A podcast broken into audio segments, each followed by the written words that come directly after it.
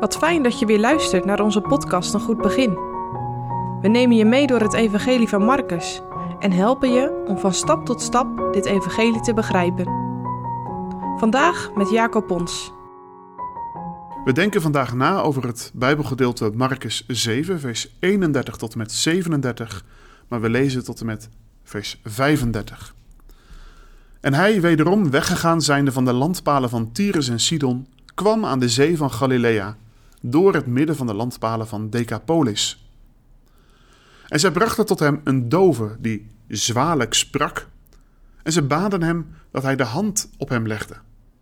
En hem van de scharen alleen genomen hebbende, stak hij zijn vingers in zijn oren, en gespogen hebbende, raakte hij zijn tong aan. En opwaarts ziende naar de hemel, zuchtte hij. En hij zei tot hem: Ephata, dat is, wordt geopend.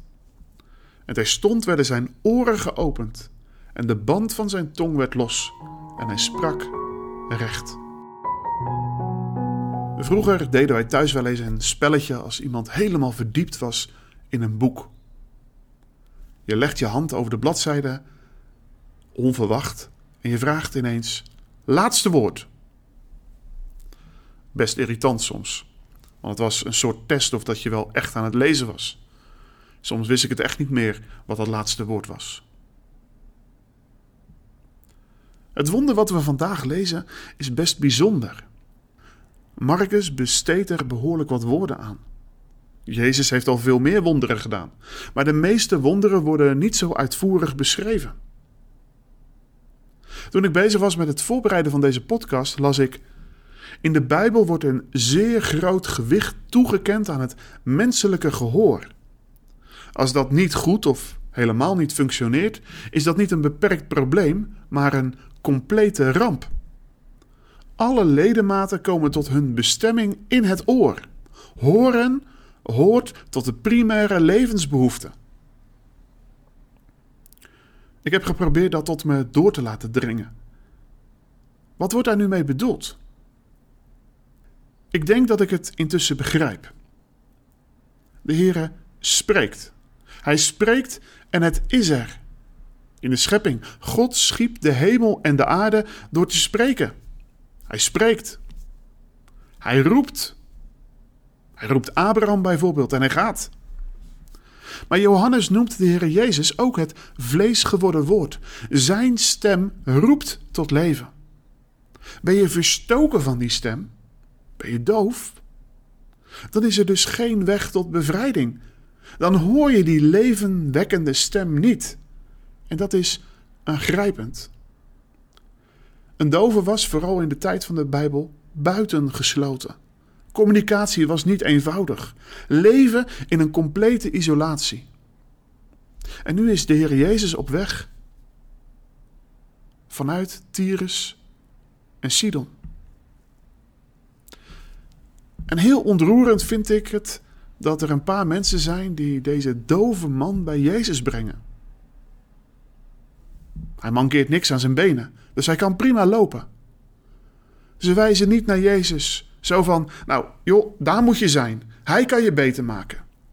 Nee, ze brengen hem bij Jezus. Ze brengen hem bij het levende woord. Dat is een les voor jou en voor mij.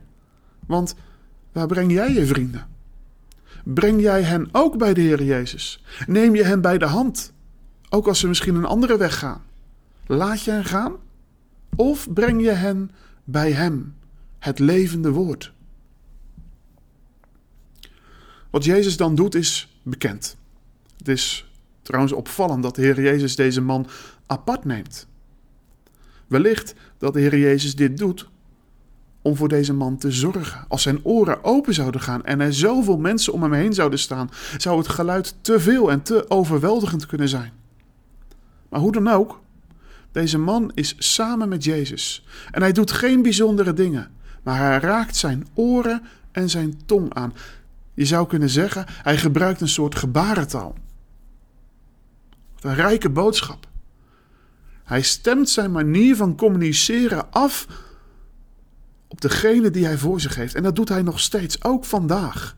Hij wil dicht bij ons komen en ons aanspreken in onze mogelijkheden. En dan slaat hij zijn ogen naar de hemel en hij zegt: Ephata, wordt geopend. Dat is het sleutelwoord.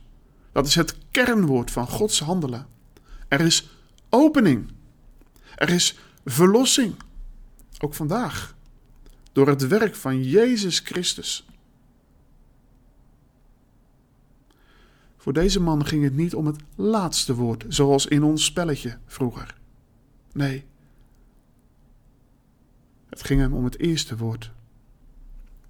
Het eerste geluid dat hij door die levenslange muur van stilte hoorde, was de stem van de Zoon van God.